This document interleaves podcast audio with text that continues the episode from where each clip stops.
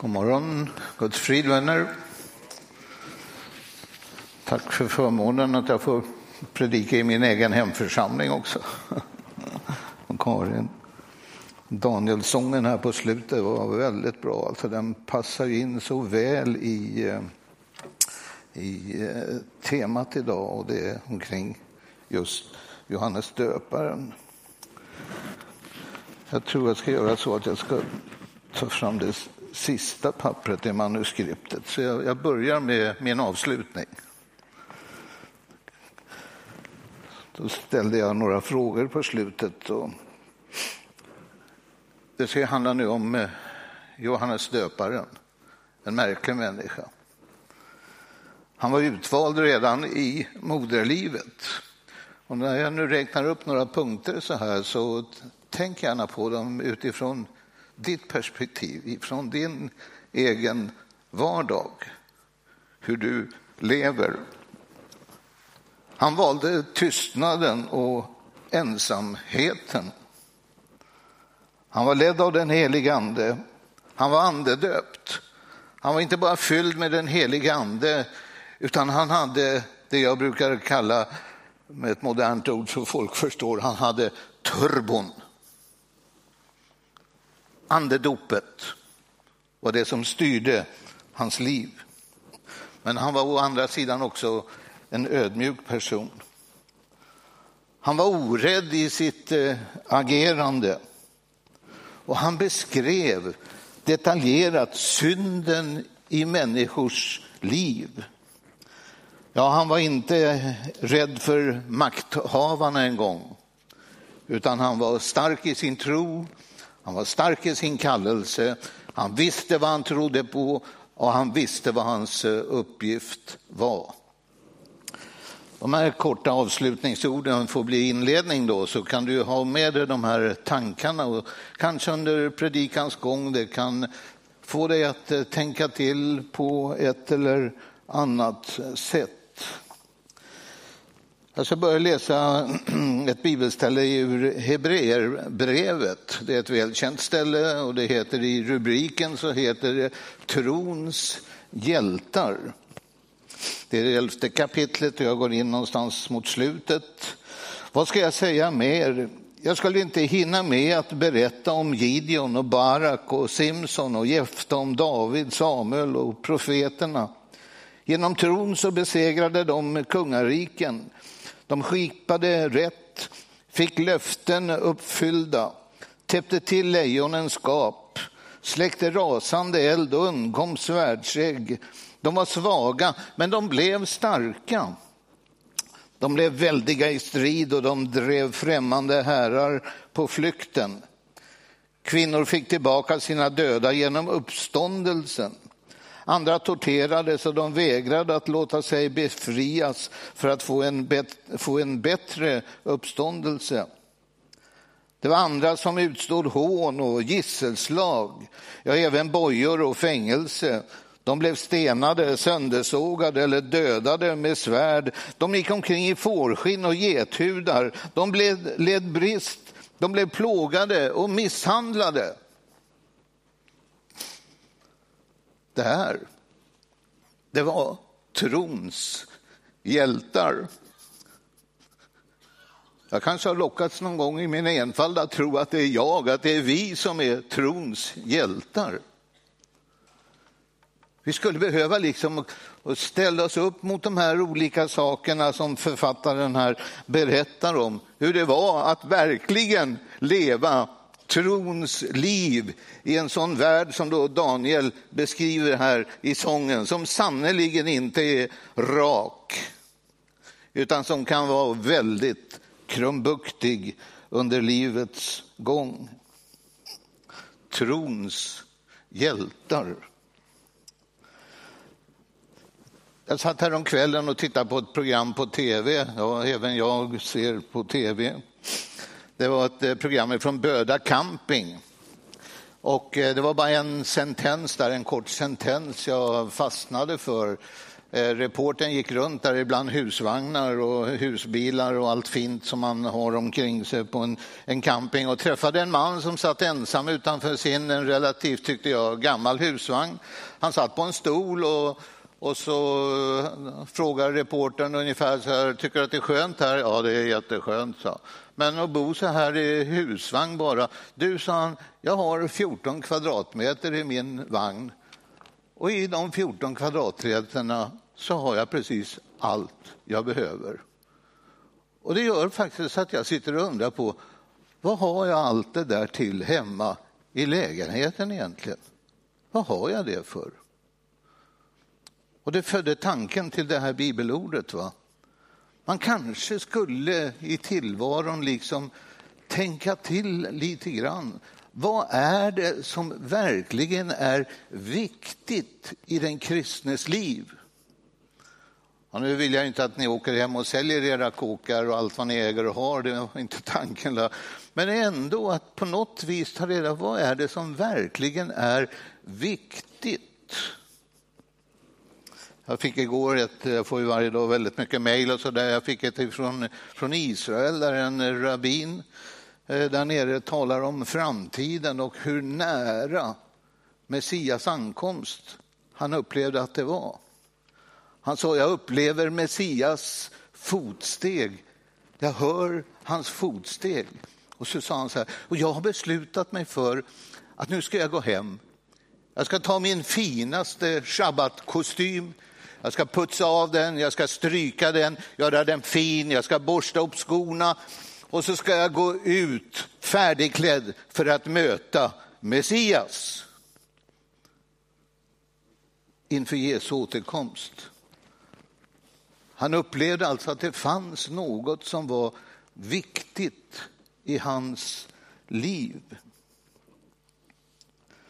Den här Johannes döparen som vi ska prata om, jag ska snart börja predika, men eh, då säger Matteus 11 så här, Amen säger jag er, bland de som är födda av kvinnor har ingen trätt fram som är större än Johannes döparen. Han alltså som levde i den här öknen som Daniel sjöng om. Utan i stort sett kläder, ingen bil, ingen mobil, ingenting. Han var den störste, sa Jesus, som hade trätt fram. Han satte honom alltså före kung David och Salomo, alla dessa fantastiska människor som Gamla testamentet talar om. Men Johannes döparen, han var den störste. Men den minste i himmelriket, det är du och jag. Vi kan räkna oss för att vara större än han. Och från Johannes döparens dagar ända till nu så är himmelriket utsatt för våld och våldsmän förtrycker det. Ty alla profeterna och lagen har profeterat fram till Johannes. Så nu tänkte jag ägna en stund åt att eh, analysera den här märkliga människan, Johannes döparen. Och vi kan få kanske upp den första bilden då, första bibelstället och det som Karin redan har levt, läst för oss. En man trädde fram, sänd av Gud, hans namn var Johannes. Han kom som ett vittne för att vittna om ljuset och för att alla skulle komma till tro genom honom. Själv var han inte ljuset, men han kom för att vittna om ljuset. Det sanna ljuset som ger ljus åt alla människor som nu skulle komma till världen. Man brukar kalla Johannes döparen för den sista profeten i gamla testamentet. Han blir alltså bryggan emellan det gamla och det nya testamentet. Den som inviger och banar väg för Jesus. Och redan i Gamla testamentet så profeteras det om honom. Det står att en röst ropar i öknen, bered väg för Herren, bana en jämn väg i ödemarken för vår Gud. Varje dal ska höjas, alla berg och höjder sänkas Ojämn mark ska jämnas, kuperat land ska bli slet mark.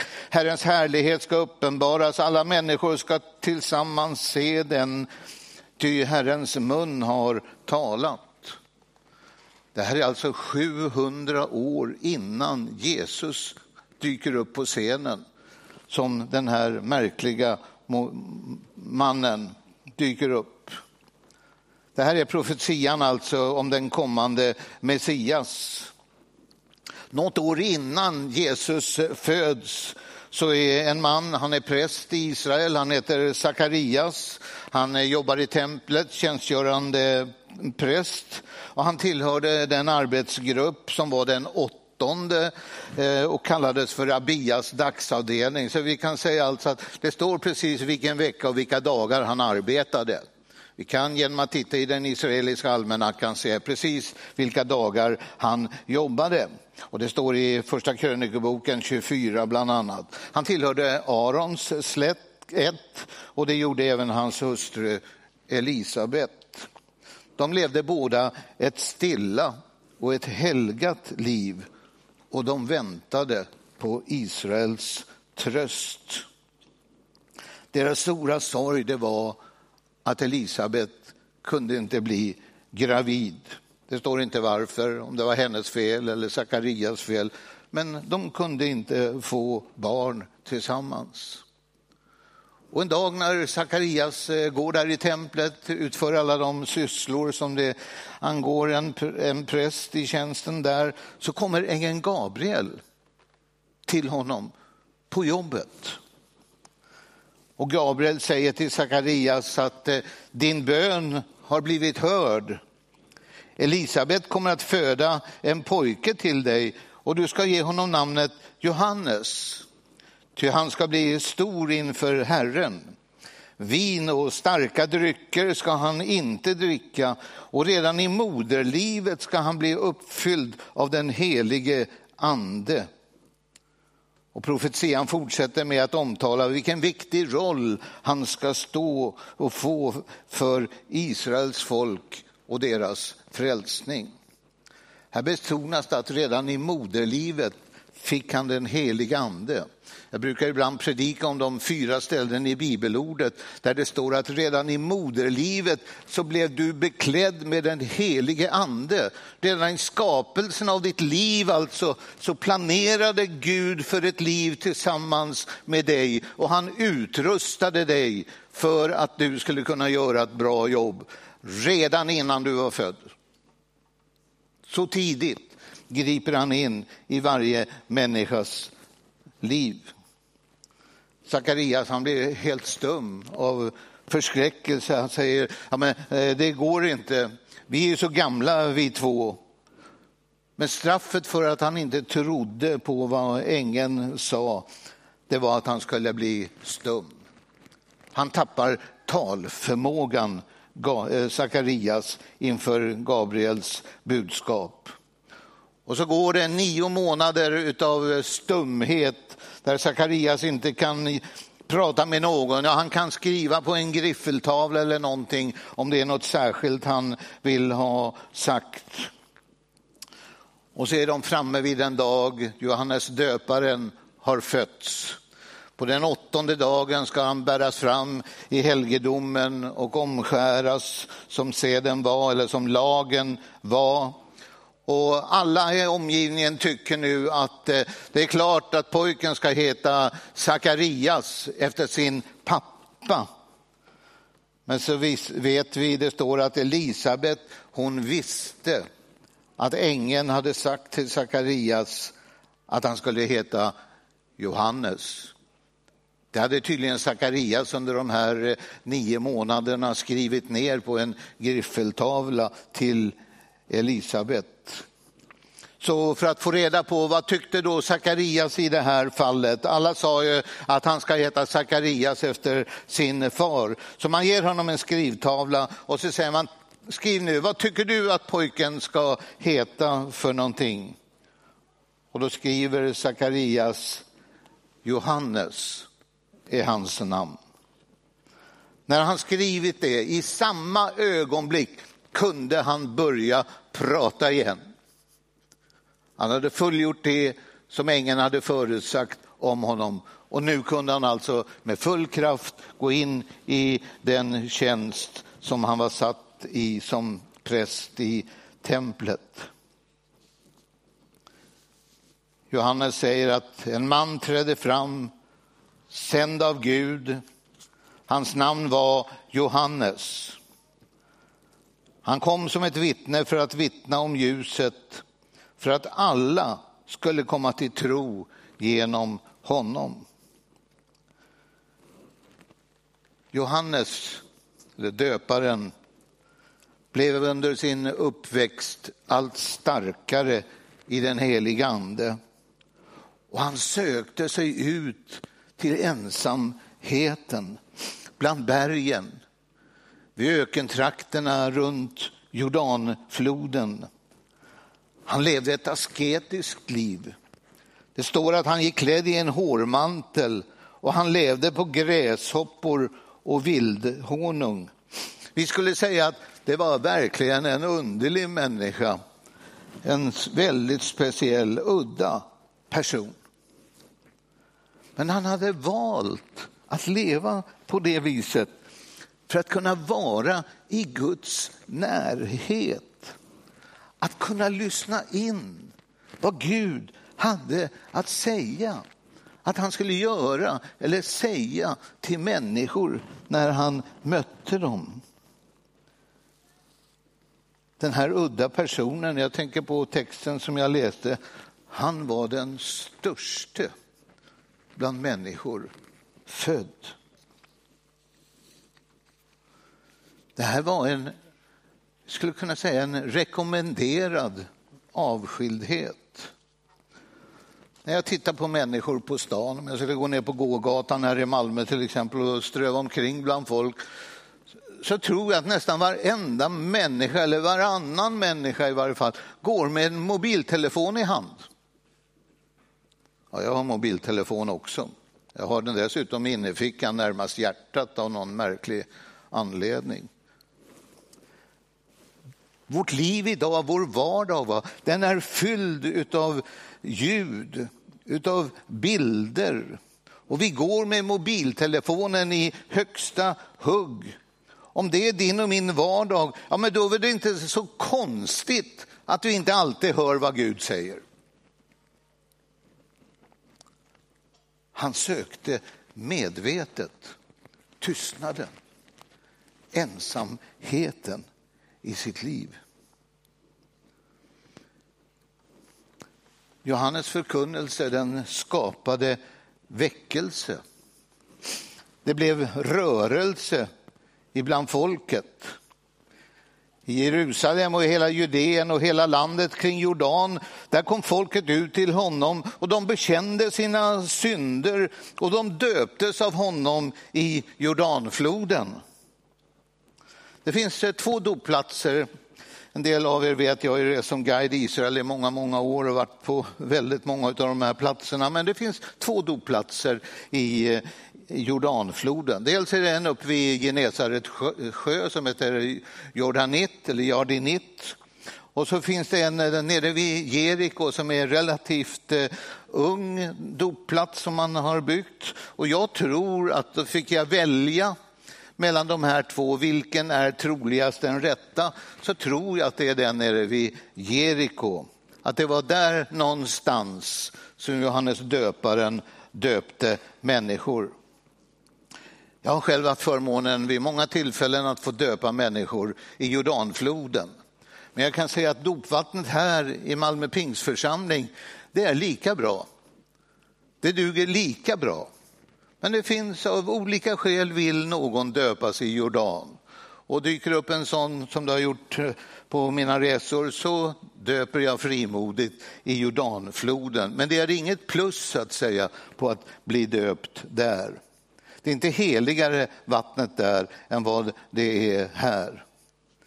Och det var också i det här området där Johannes då döpte mitt emot Jeriko. Det var där som Israels folk efter sin 40-åriga vandring runt ifrån Egypten och upp här nu står vid Jordanstranden och de ser löfteslandet bara 20 meter på andra sidan vattnet.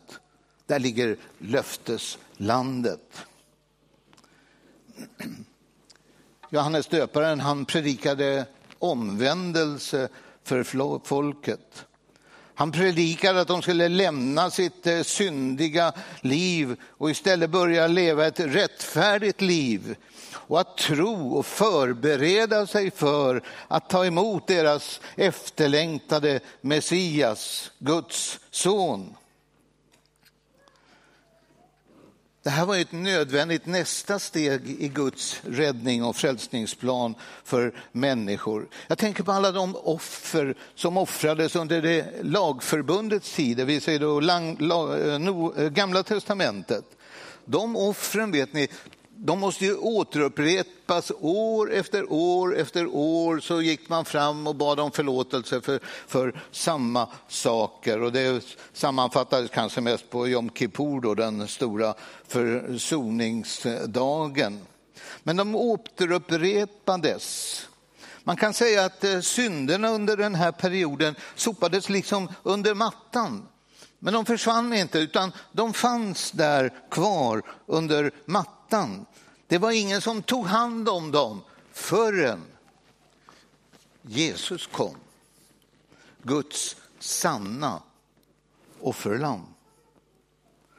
När Israels barn står där vid stranden, det här är Josua 3, det är en fantastisk berättelse.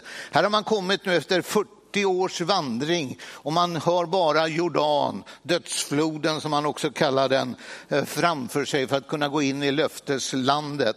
Nu kommer prästerna, de har eh, arken med sig, förbundsarken. Och i arken vet ni, där låg lagtavlorna som var Guds önskemål, önskan om så här ska ni vandra och så här ska ni leva ert liv. Det stod där på tavlorna. Och så var det på locket till förbundsarken så eh, skvätte liksom prästen försoningsblod ifrån eh, offerdjuren man hade framför sig. Man kan säga att lagen låg i arken.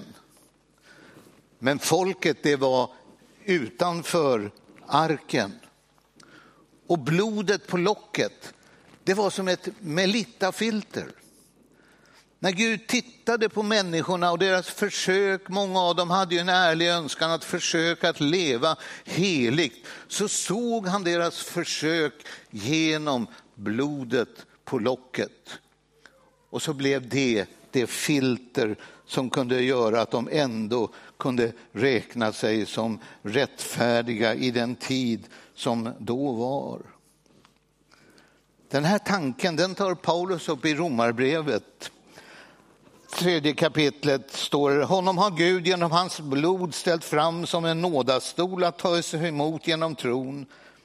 Så ville han visa sin rättfärdighet eftersom han hade lämnat ostraffade de synder som förut hade blivit begångna under tiden för Guds tålamod. I 1917 så står det under uppskovets tid. Och det var det det handlade om. Man hade alltså sopat det under mattan. Och Gud hade gett anstånd, han kunde inte ta itu med det. Och därför när prästerna liksom tar arken, de ska ju gå först igenom eh, floden och över till andra landet, eller ja, andra eh, stranden. Va? Så fort de bara nuddade vattnet vid kanten av floden, det står alltså att den var fylld över sina breddar. Och jag tror att det är en bild på hela mänskligheten nu finns blodets möjlighet för hela mänskligheten. Och i det ögonblicket de bara nuddar tån med vattnet och blodet på arken så stannar flodens lopp upp. Och så står det så märkligt att vattnet drog sig tillbaka upp till en plats som hette Adam. Vid ett kallt och ogästvänligt land som kallades Saretan. Och det säger mig alltså att i det ögonblicket som prästerna, som blodet nådde dödsfloden, så drog den sig tillbaka upp till en plats som hette Adam.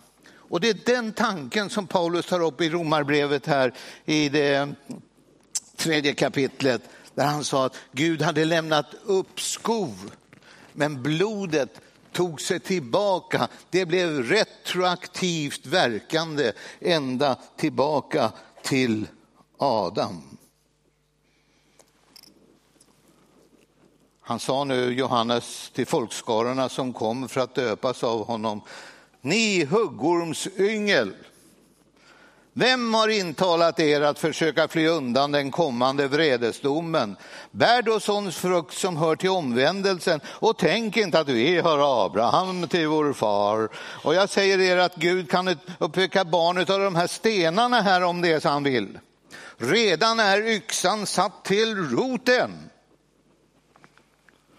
Så blir varje träd som inte bär god frukt nerhugget och kastat i elden. Tänk dig att gå på väckelsemöte och så bli totalt utskälld av förkunnaren. Det var vad Johannes döparen gjorde. Här kom folket för att höra något, tyckte, han, eller tyckte de positivt, lite uppbyggligt, eh, sådär som Eh, Eh, du vet, eh, ja, folket ville höra, men profeterna sa ju vad folket eh, behövde höra. Men nu kom de här för att få höra något positivt och så bli kallad huggormsyngel. Eller att bli satt, yxan är redan satt till roten. Vilket väckelsemöte. Men det gick hem. Det fanns alltså en Messias-längtan ibland folket.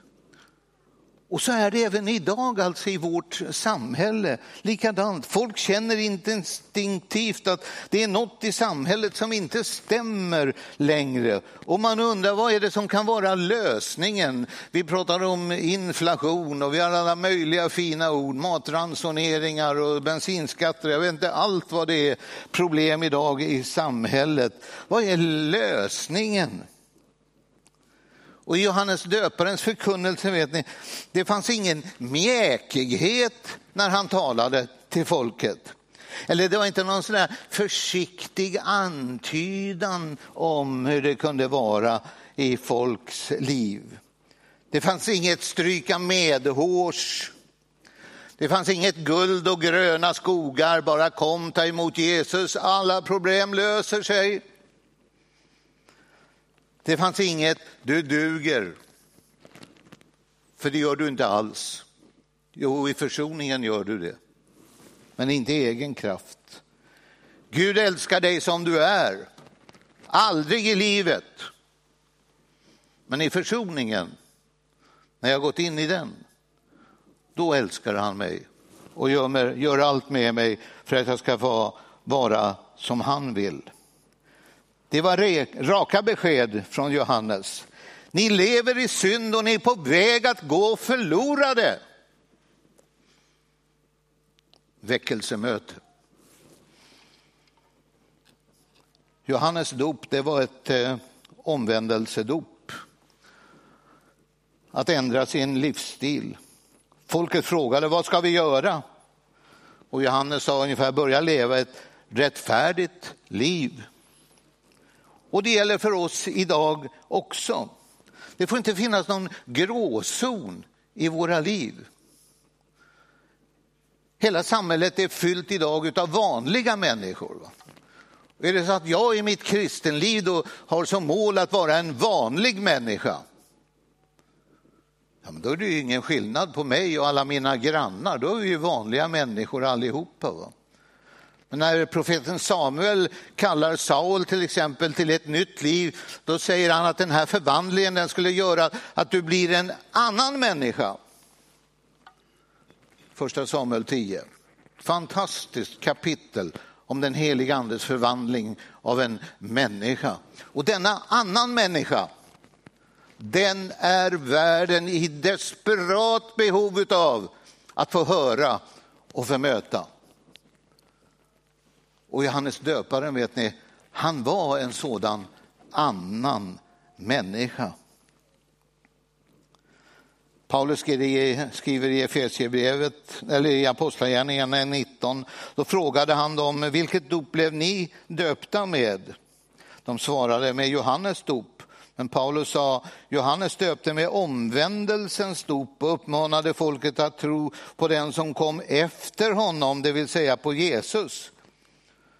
När de fick höra detta, då döptes det i Herren Jesu namn. Nu kommer folket där nere till Johannes och i Lukas berättas om att folket frågade honom, vad ska vi göra? Och han svarade, har ni två livklädnader, har du två kostymer, två kavajer, två byxor och så vidare, så ge gärna dem till någon som inte har eh, något sådant. Och har ni mat på samma sätt så ge dem gärna till någon som inte har.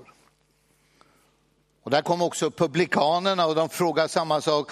De frågade, mästare, vad ska vi göra?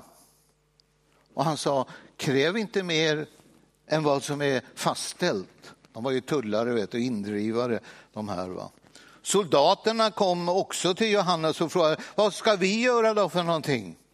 Han sa, våldför er inte på någon och pressa inte ut pengar från någon, utan nöj er med er lön. Men observera nu att laggärningar, att göra, det får inte bli laggärningar. Utan det här är något som ska springa fram ur ditt andliga liv. Att turbon fungerar i, i ditt liv så att du gör det här därför att den heliga ande leder dig att ta tag i det här och göra det här. Gör jag inte det, ja då blir yxan satt till roten liksom. Nu kommer folket eh, till eh, Johannes döparen. De gick där och de väntade och alla undrade i sina hjärtan om inte Johannes kunde vara Messias. Johannes svarade dem allesammans att jag döper er med vatten, men den kommer som är starkare än jag och jag är inte ens värd att knyta upp hans sandalremmar. Han ska döpa er i den heliga ande och i eld. Han har sin kastskovel i handen för att noga rensa sin tröskplats och samla in vetet i sin loge. Men agnarna ska han bränna upp i en eld som aldrig släcks. Med många ord förmanade han folket när han predikade evangelium om honom, eller för, för dem. Det var alltså allvarligt. Va? Det gällde att leva och vara på ett visst sätt i sin omvärld för att vara till välsignelse. Detsamma var det ju sen när Jesus kommer till tals. Liksom. Han talade ständigt om faran med att gå förlorad. Att gå förlorad, det skapade en tanke om förkrosselse i människors liv. En längtan efter att leva i helgelse. Det var det som predikan ledde till. Johannes han gav sig också på makthavarna i samhället. Det berättas om landsförsten Herodes Antipas. Han blev tillrättavisad av Johannes, Johannes för att han hade, hade ett förhållande till sin halvbrors hustru Herodias. Så Herodes Antipas var kär i sin halvbrors eh, hustru Herodias och för allt ont som han hade gjort. Då la Herodes Antipas till allt annat också det att han tog fatt i Johannes och så satte han in honom i ett fängelse. Herodes Antipas hade nämligen gått och blivit minst sagt, kan vi säga, kär i sin halvbror Filippus hustru Herodius. Han hade också skilt sig från sin tidigare hustru som då hette Aretas den fjärde för att kunna gifta sig med sin halvbrors hustru. Och det här var ju en styggelse. Men Johannes han, han vek inte för, för det här, för det synden i Herodes eh, liv. Och, utan han talade till dem och han gav talet liksom dess verkliga innebörd. Du lever i synd. Och naturligtvis kvinnan i den här trilogin, då, Herodias, Eh, hon, bli, hon blir ju liksom rasande. Att någon bara vågade säga ett sanningens ord. Det står att Herodes hade nämligen låtit gripa och binda Johannes och sätta honom i fängelse för Herodias skull, som var hustru till hans bror Filippus. Henne hade nu Herodes gift sig med. Men Johannes hade sagt till honom, det är inte tillåtet för dig att ha din brors hustru. Herodias hon hatade honom och ville döda honom, men hon kunde inte eftersom Herodes hade respekt för Johannes. Han visste att Johannes var en rättfärdig och helig man och skyddade honom. Och när han hörde honom blev han många gånger villrådig. Men ändå lyssnade han gärna. Så talet om synd i Herodes Antipas liv, liksom, det gjorde honom ambivalent. Liksom. Hur skulle det vara? Hur ska man leva? Vad gör jag? Hjälp mig någon och så vidare. Men han fortsatte att lyssna på Johannes. Det var någonting av sanningen liksom som appellerade in i hans liv. Det var samma Herodes som försökte döda Jesus, Lukas 13. Just då kom några fariseer fram och sa till honom, gå härifrån och lämna den här platsen, det är så att Herodes vill döda dig. Och Jesus sa till dem, gå och säg den räven. Nu flyttar vi oss tillbaka till Jordanfloden. Sedan kom Jesus från Galileen till Johannes vid Jordan för att döpas av honom. Men Jesus försökte hindra honom och sa, det är jag som behöver döpas av dig. Och så kommer du till mig. Jesus svarade honom, låt det ske nu, ty så bör vi uppfylla all rättfärdighet. Och då lät han det ske. Nästa dag såg Jesus komma, läser i Johannes nu, och han sa, se Guds lamm som tar bort världens synd. Det var om honom jag sa, efter mig kommer en man som är före mig. Ty han var före mig och jag kände honom inte. Men för att han skulle uppenbaras för Israel har jag kommit och döper i vatten. Johannes vittnade och sa, jag såg anden komma ner som en duva från himmelen och bli kvar över honom. Jag kände honom inte, men han, han som sände mig att döpa i vatten sa till mig, den du ser anden komma ner över och bli kvar över, han är det som den helige ande, eh, som den helige ande kommer ner över det. Och jag har sett det och jag har vittnat om att han är Guds son. Så Johannes fick alltså profetisk klarsyn för att vara redo för Eh, hur han skulle agera. På nästa bild så kan vi se hur eh, Jesus står där i, i eh, Jordanfloden. Vi ser på bilden den helige ande komma ner ifrån, sin, ifrån höjden. Det står i Matteus 3, Jesus hade blivit döpt, så steg han genast upp i vattnet och se himmelen öppnades så han såg Guds ande sänka sig ner som en duva och komma över honom. Och en röst från himmelen sa, denna är min son, den älskade. I honom har jag min glädje. Det är alltså pappa där uppe va? som presenterar sin grabb för hela mänskligheten genom ett tilltal. Jesus, han behövde inte döpas för att han hade levt ett liv i synd. Han behövde inte begrava sin gamla kropp. Han var ju syndfri. Vet, vi säger ju att vi går ner här och vi begraver vårt gamla liv och allt det här. Och det är helt rätt. Det är rätt alltihopa. Va? Nej, Jesus behövde döpa sig av några andra anledningar. Dels för att visa inför folket att omvändelse var nödvändig. Han konfirmerade alltså Johannes tankar, det tal han sa och den verksamhet han bedrev. Och dels vill han identifiera sig med människorna, att han var den Messias som de längtade efter. Och dels gick han också in under människosläktets synd. Han visade på vikten av ånger och syndabekännelse. Och en annan sak som jag poängterar ibland och som vi ofta missar, det var att inför sitt stundande bröllop, ni vet Jesus är ju brudgummen.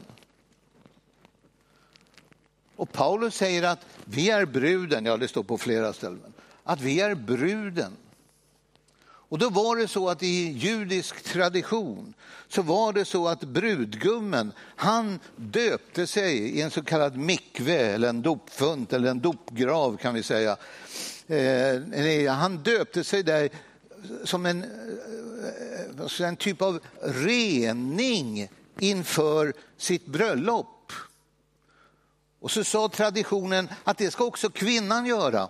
Kvinnan ska döpa sig där hemma, gjorde det gärna i hemmet, för att rena sig inför bröllopet när hon står framför bruden.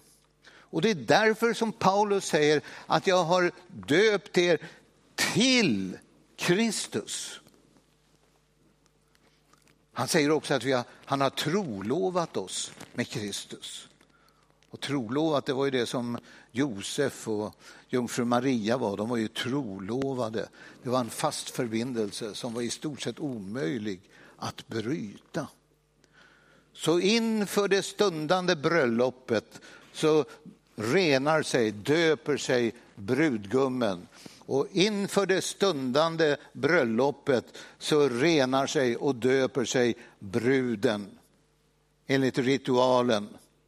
Och när det är klart, trolovningstiden är över, då åker brudgummen hem till brudens bostad. Han hämtar sin kommande brud och han för henne via bröllopet och så vidare hem till den plats han redan tidigare hade berett.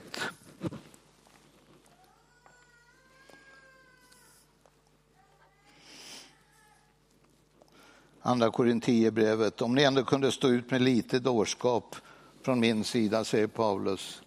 Ja, visst stod ni ut med mig. Eftersom jag brinner av iver för er med den eld som kommer från Gud.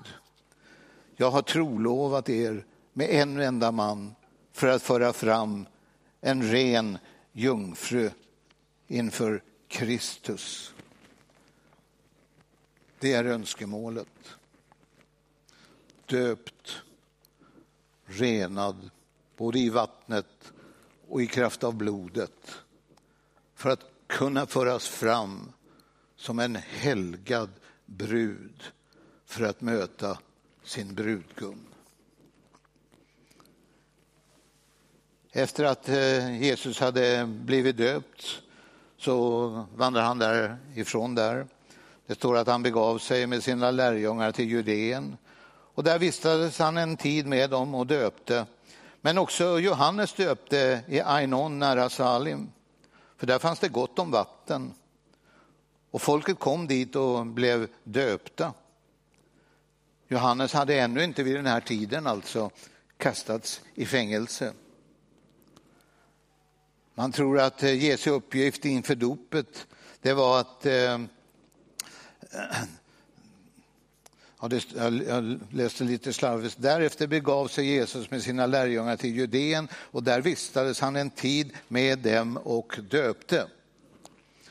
Det här tar Johannes upp eh, lite senare när han säger så här, när Jesus fick eh, ehm, man tror att Jesus uppgift för dopet ja, var att hålla dopsamtal och förbereda folket för det nya livet. Han döpte inte själv, utan det gjorde lärjungarna.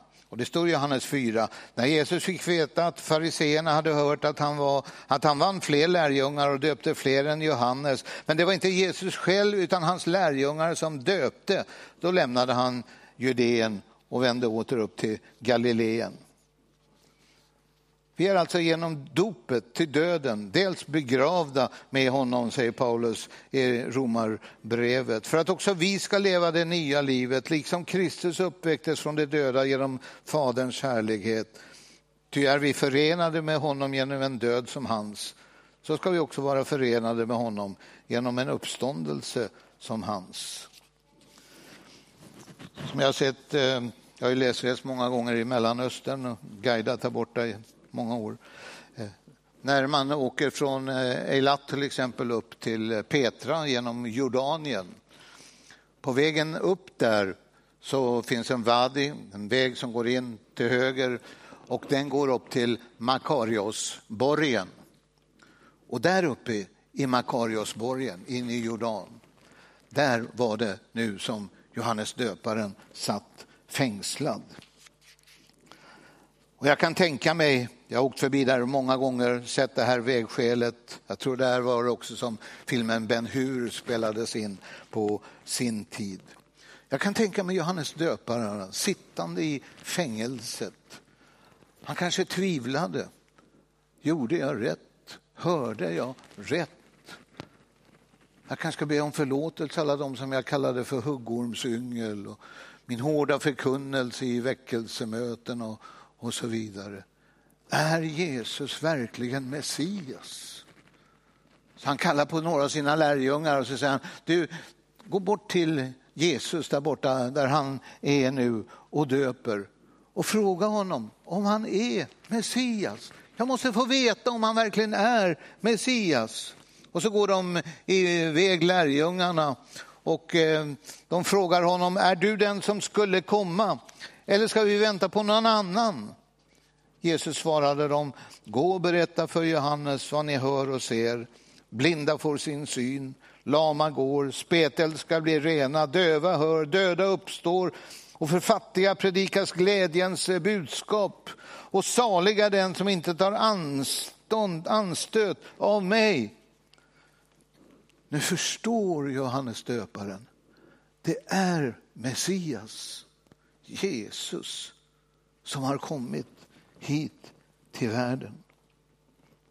Samtidigt fängelsehålan, samtidigt uppe i de fina gallerierna där i Makariosborgen, där har Herodes födelsedag. Han är där med sin eh, hustru och eh, eh, sin hustru och eh, Herodes visste att hustruns dotter, hon var så underbart vacker att se när hon dansade. Så han säger så här, kan vi inte få se henne dansa inför alla gästerna? Och gör du det, säger flickan till flickan, så här, gör du det förstår du, så lovar jag dig, du ska få allt vad du önskar. Om du bara dansar så vi får se dig dansa. Hon dansade inför Herodes och hans hustru. Han blev väldigt förtjust i henne och lovade vad hon än önskade skulle hon ge. Ja, och sen, vänta, jag måste prata med mamma först. Och så går de bort till mamman som hatade Johannes döparen för vad han hade sagt om deras äktenskap och otron. Och mamman säger till henne, säg att du vill ha Johannes döparens huvud på ett fat. Och Herodes blir helt förskräckt. Men han kan inte ta tillbaka ett löfte som han har givit. Samtidigt får han nu höra om Jesus och han säger, du det måste vara Johannes döparen som har uppstått ifrån de döda, säger han nu efter att fatet med huvudet har presenterats. Eftersom han hade satt honom i fängelse inför det som Eh, Johannes hade kom, eh, sagt åt honom. Och så kommer nu födelsedagen. Herodias dotter dansade. Herodes blev mycket förtjust och svor på att han skulle ge henne allt vad hon behövde. Ge mig här, sa hon. Här, på fatet. Ge mig Johannes döparens huvud. Han blev bedrövad över sin ed, men han befallde att hon skulle få det. Och han lät halshugga honom i fängelset. Man bar in hans huvud på ett fat. Och så gav han det åt den lilla flickan. Och hon tog fatet och så bar hon över det till mamma Herodias.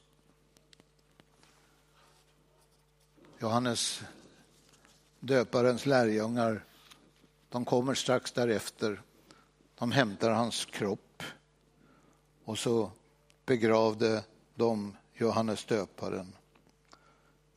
Sedan så gick de, står det, och berättade allt sammans för Jesus. Och Jesus, han vandrade vidare. Och han vandrar vidare. Och han är här idag. Han vandrar i land efter land, plats efter plats. I samling efter samling så fortsätter hans vandring. vet, Apostlagärningarna börjar ju med Lukas när han säger att i min förra skrift så började jag att berätta vad Jesus hade gjort. Och här i Apostlagärningarna nu fortsätter jag att berätta om vad Jesus har gjort och gör idag. Och så är jag framme vid avslutningen då. Han var utvald redan i moderlivet, det var det jag började med. Det är du också. Han valde tystnaden och ensamheten. Det kan du också göra. Stänga ute larmet, dra dig undan, skapa en bubbla, det är ett modernt ord. Lyssna vad Gud har att säga dig. Du har den heliga ande i dig. Och du kan få igång turbon också om du ber om det och lever för det. Så kan du bli liksom använd av Gud. Han var ledd av den heliga ande. Han var andedöpt. Han var ödmjuk.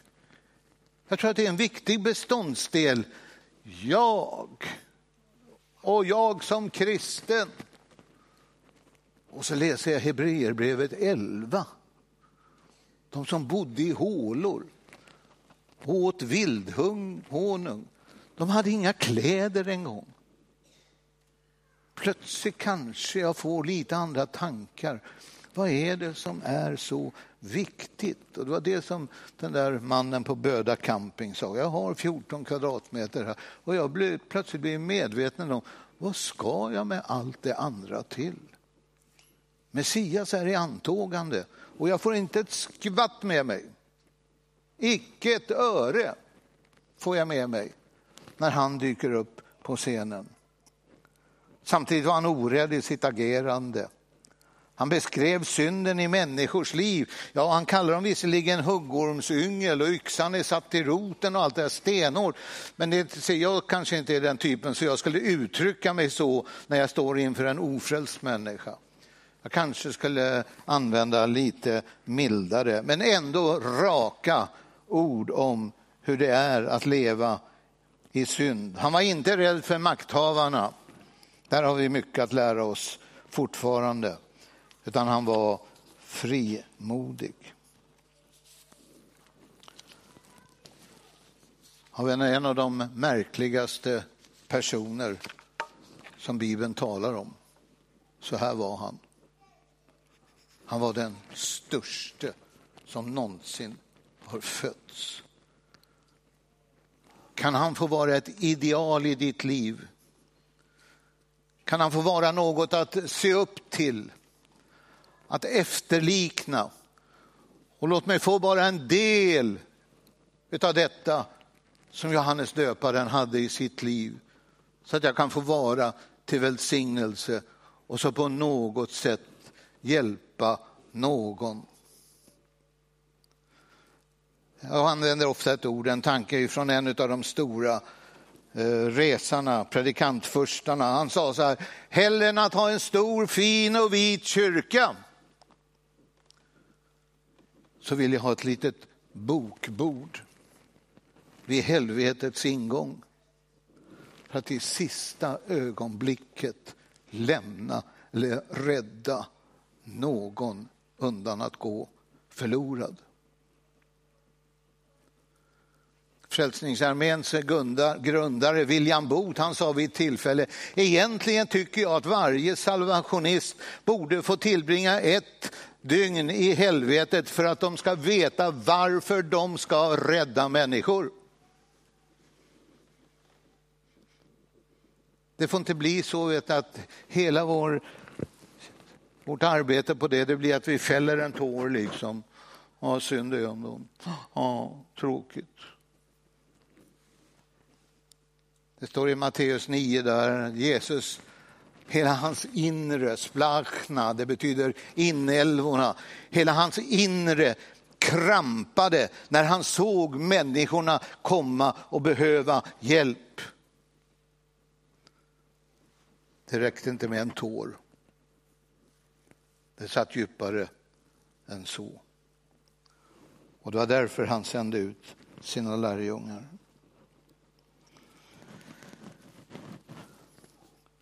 Finns du här som har tagit till dig något av predikan? Något kanske som du känner att det här skulle jag vilja ta itu med. Det här skulle jag vilja förändra i mitt liv. Det här skulle jag vilja liksom få göra för att få vara till välsignelse. Jag skulle vilja ha mer av den heliga ande. Jag skulle vilja ha turbon in i mitt liv. Som Elisa, jag vill ha en dubbel ande, en dubbel arvslott emot vad hans eh, mecenat hade sagt. Vi får höra Daniel sjunga några sånger för oss nu. Och vi gör ju alltid så att vi har förebedjare, normalt på bägge sidor, idag på den sidan. Och känner, du, känner du att det är något i ditt liv som du skulle vilja förändra till det bättre och få vara ett sånt redskap som Johannes döparen var? Känner du det? Var öppen.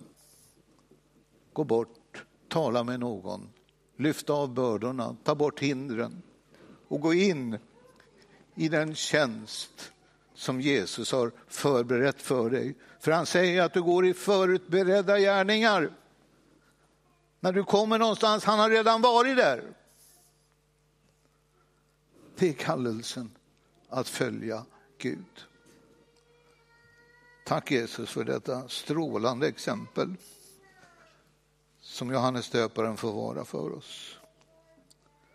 Tack älskade Jesus att du ger oss förebilder att kunna ta efter eller på något sätt fatta mod igenom. Och så välsignar du ditt folk på ett underbart sätt Jesus. Så att man verkligen kan säga om oss att vi är den levande Gudens församling. Och så ger vi dig all äran Jesus för det. Amen.